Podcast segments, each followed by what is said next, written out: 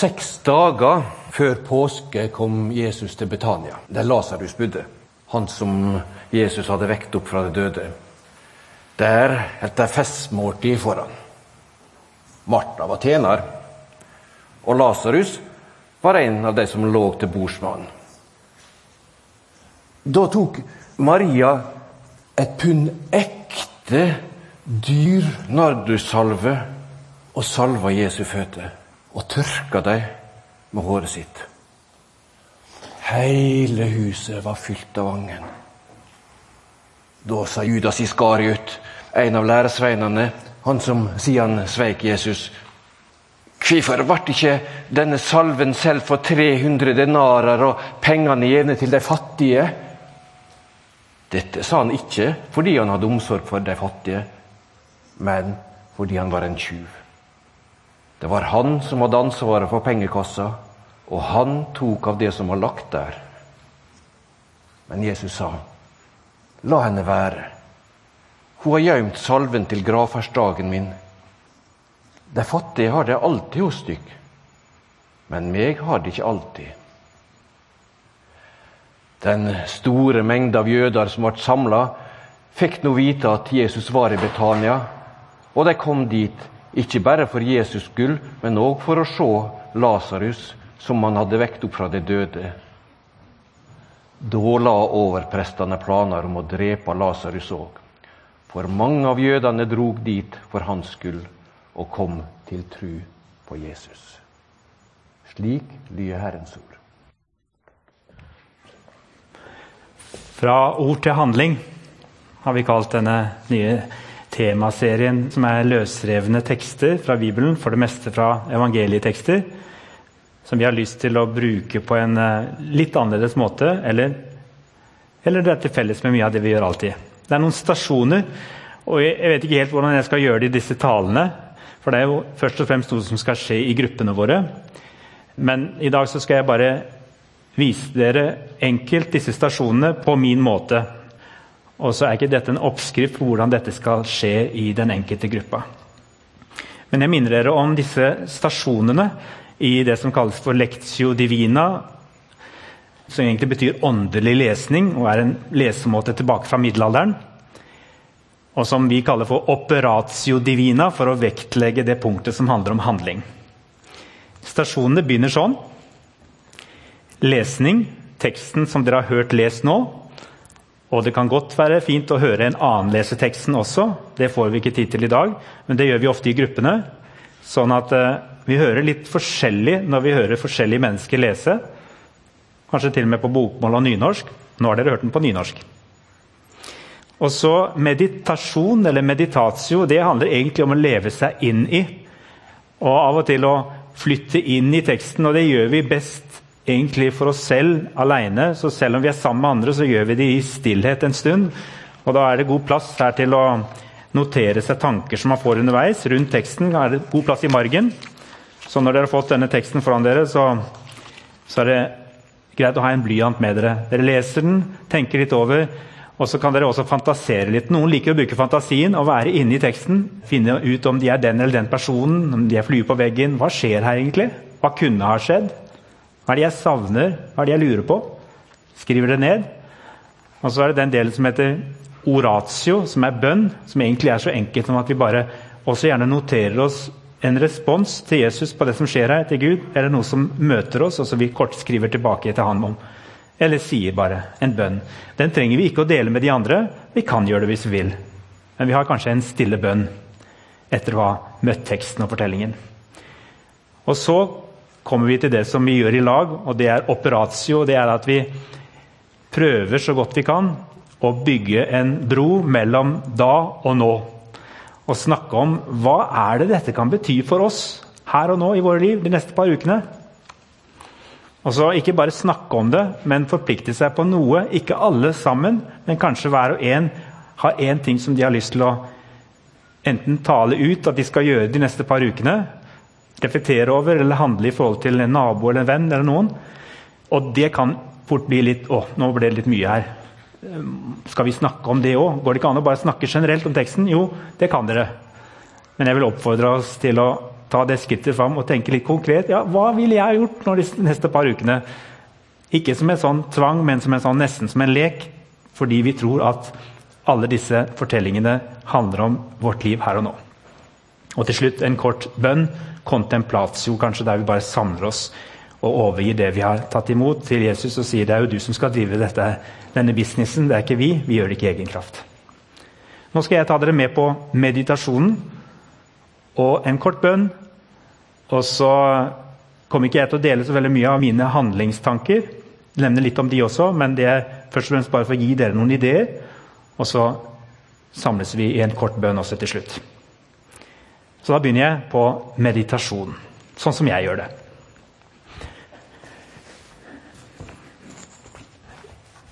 Ja, det er Martha, ja. Om jeg har tid til en prat? Uh, ja, det må bli ganske kort. Jeg, jeg, må tenke over om jeg har husket på alt. Uh, I dag så skal Jesus komme. Han er glad i en bedre middag med smakfull vin til, og, og det skal han få. Nei, Jesus får ikke alkoholfri vin her i Betania. Ja, Det spørsmålet får jeg ofte når jeg snakker med dere, dere fra framtiden. Jeg vet egentlig ikke hvorfor det spør, jeg aner ikke hva alkoholfri vin er for noe engang. Men jeg må bare si at det får han ikke her. Eh, det blir gammel, klaret vin og fete, margfulle retter. Ja, slik et skikkelig gjestebud skal være på disse kanter. Men jeg har lagt merke til at Jesus er særlig glad i kakene mine. Så det skal bli daddelkaker, rosinkaker og fikenkaker. Denne gangen skal det ikke mangle noe. Vi har gledet oss til dette festmåltidet i flere dager. Å, som jeg gleder meg til å vise Jesus hvor glad jeg er i ham. Og hvor takknemlig jeg er for den, det han gjorde for min bror Lasarus. For oss. Men nå må dere ha meg unnskyldt. Jeg, jeg har dessverre ikke tid til å stå og prate. Jeg har så mye jeg må gjøre. Jesus kommer.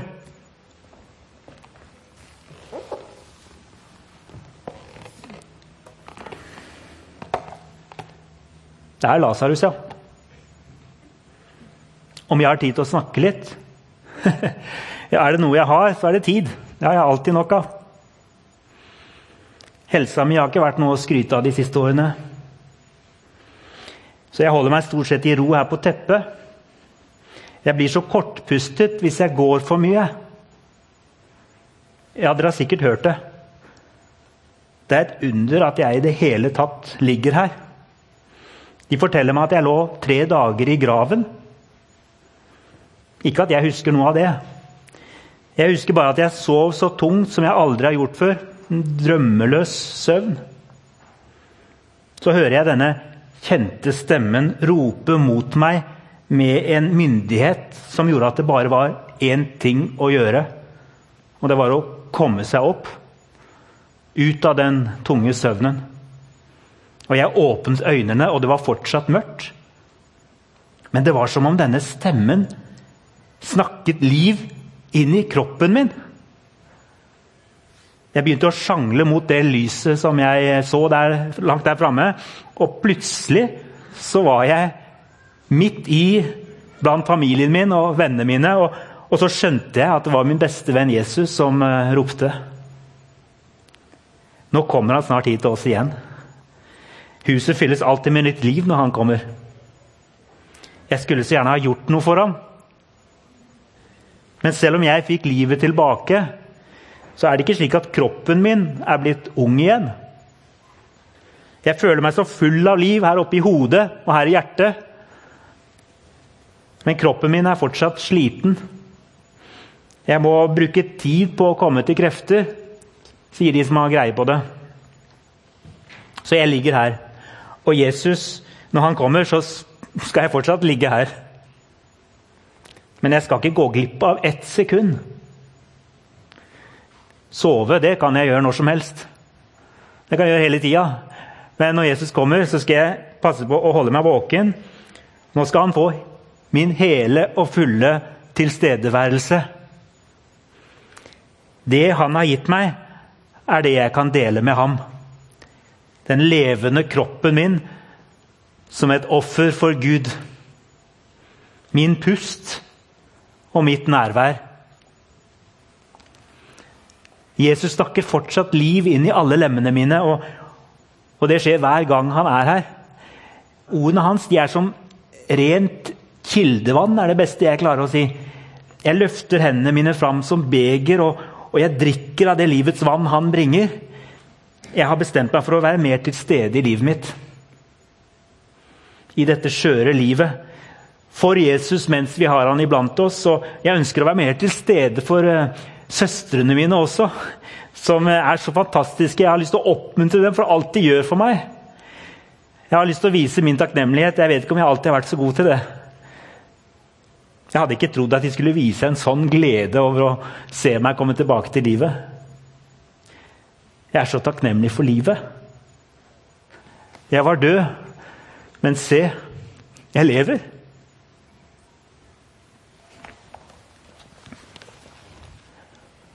Det er, eh, det er, Maria, ja. Hva jeg har her Det er ingenting. Eller jo, det er en salve. Nardus-salve. Jeg vet det er litt spesielt. Det er den dyreste som finnes på markedet. Martha og Lasarus vet ikke at jeg har den engang. For en tid tilbake så brukte jeg alt jeg hadde spart opp for å kjøpe denne salven. Den er til Jesus. Den er til, egentlig til begravelsen hans. Ja, jeg vet det. Det virker helt sprøtt. Altså, han er jo i sin beste alder. Jeg, jeg vil at han skal være hos oss alltid. Men jeg har skjønt at Jesus snart skal dø. De andre de vil ikke høre på meg når jeg forteller dem at det er det som skal skje. Det er fordi jeg har lyttet bedre etter når Jesus snakker, enn det de andre har gjort. Jeg kjenner Jesus. Jeg ser ansiktet når han blir stille. Han får den lille uroen over pannen.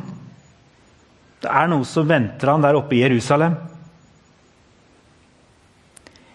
Jeg vet ikke når, men det er ikke så lenge til nå. Hjertet mitt forteller meg det. Jesus han har gitt oss alt. Ja, ikke sånn penger og rikdom, men han har brakt Guds rike til oss. Vi har fått smake av en nåde og en kjærlighet som vi bare ante fantes før. Og så ga han oss bror Lasarus tilbake. Jeg er så takknemlig. Så jeg ville kjøpe det aller mest verdifulle jeg kunne komme på, og det var denne Nardus-salven. Og nå er han her, og, og jeg har funnet fram denne Nardus-salven. Jeg forstår ikke helt hvorfor. Men det er som om Gud forteller meg at jeg ikke skal vente. At det er nå jeg har mulighet til å vise Hans sønn min kjærlighet. At jeg ikke skal vente til alt har skjedd, til, eh, til den ukjente fortellingen begynner. Jeg vil vise ham hvor høyt jeg elsker han nå, mens jeg har han her hos meg. Og Jeg bryr meg ikke om hva folk kommer til å si. Eh, jeg bryr meg ikke om at de kommer til å si at jeg sløser med penger. At jeg mangler respekt som kommer inn med dette og avbryter samtalen som de har der inne. Det blir i så fall ikke første gang mennene syns at jeg tar for stor plass rundt bordet. Det er dem som mener jeg burde vise større respekt og ikke gå nær Jesus i det hele tatt. Men han er min frelser og bestevenn. Folk får tenke hva de vil. Jeg vil bare gi Jesus det mest dyrebare jeg har. Nå bare gjør jeg det. Jeg går inn der, og så salver jeg Jesu føtter.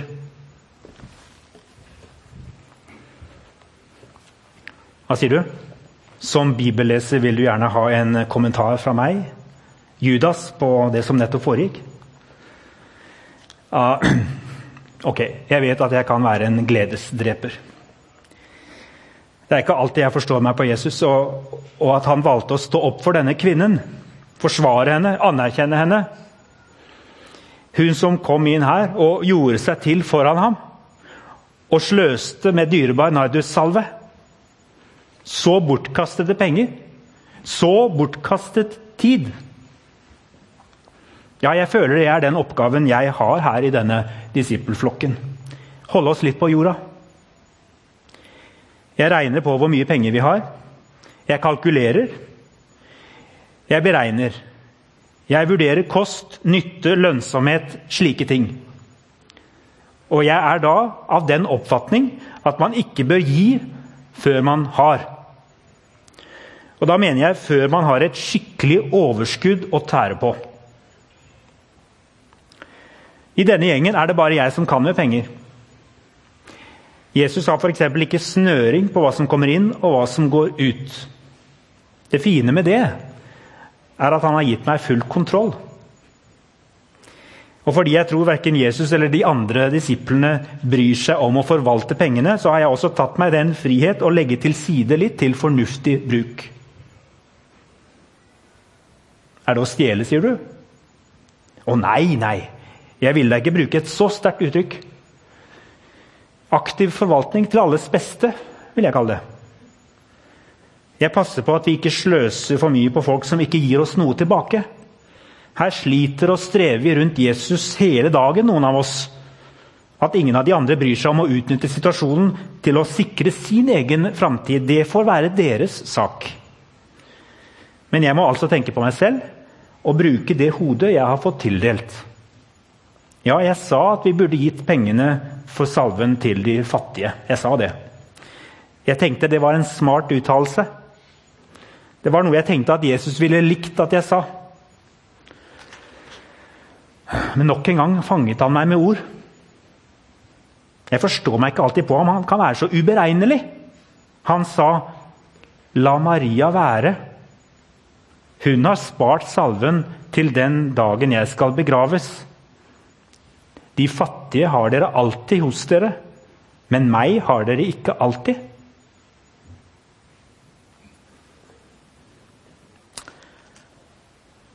Oratio. Jesus, gi meg nåde, mot og kraft til å forsake, være raus, fornøyd og nøysom, av ditt eget gi tilbake. For alle som er samla her, jeg om at vi frimodig bruker våre ulike kjærlighetsspråk til ære for deg og til det beste for vår neste, slik Martha, Lasarus og Maria gjorde. La oss få lov til å gjøre det igjen. På vår måte. Det ber vi deg om, Gud. Operatio. Hvem kjente du deg mest igjen i? Var det noe som utfordra deg i teksten? I meditasjonene? Klarer du å gjøre oversettelsen til ditt eget liv de neste ukene? Husk at vi kan ære Jesus på forskjellige måter. Vi har ulike kjærlighetsspråk. Vi kan øve oss på noen av de språkene vi ikke er så gode på. La dere merke til at noen av oss som er opptatt av kjærlighetsspråk, og som liker å sette ting i system, finner de alle sammen her. Martha, som utfører tjenester, lager mat. Lasarus, som bare gir Jesus sitt nærvær, oppmerksomt. Maria, som eh, gir han en symbolsk gave og berører han. Og Jesus som anerkjenner Maria for det hun er, og det hun gjør. Han anerkjenner henne med sine ord. Og det å være Jesus i denne teksten tror jeg handler om å stå opp for noen Mariaer forsvare henne med sine ord og sin autoritet. Er det noen du skal stå opp for i tida som kommer? Som gjør det rette, men som ikke alltid blir forstått av sine omgivelser? Hva kan du gjøre for å oppmuntre og støtte det Mariaer gjør? De som ikke passer helt inn i boksen? Handler det om å avsløre Judas sin stemme i våre liv? Han som bruker så velvalgte ord, som virker så fornuftig, så pragmatisk, så korrekt i det han sier og gjør men som egentlig skjuler sine synder bak en from fasade. Var det Judas du kjente deg igjen i? Hva skal du gjøre med det? Contemplatio. Vi overgir alt vi er og har til deg, Jesus. Takk for at det ikke er noe vi kan gjøre, fra det å puste til å snakke, bry seg om andre, gi noe til fellesskap og samfunn, uten at du har gitt oss det først. Vi lever og ånder ved din nåde og skaperkraft. Og nå stiller vi våre kropper fram som levende og hellige offer til glede for deg, Gud. Gi oss liv fra kilder utenfor oss selv. Amen.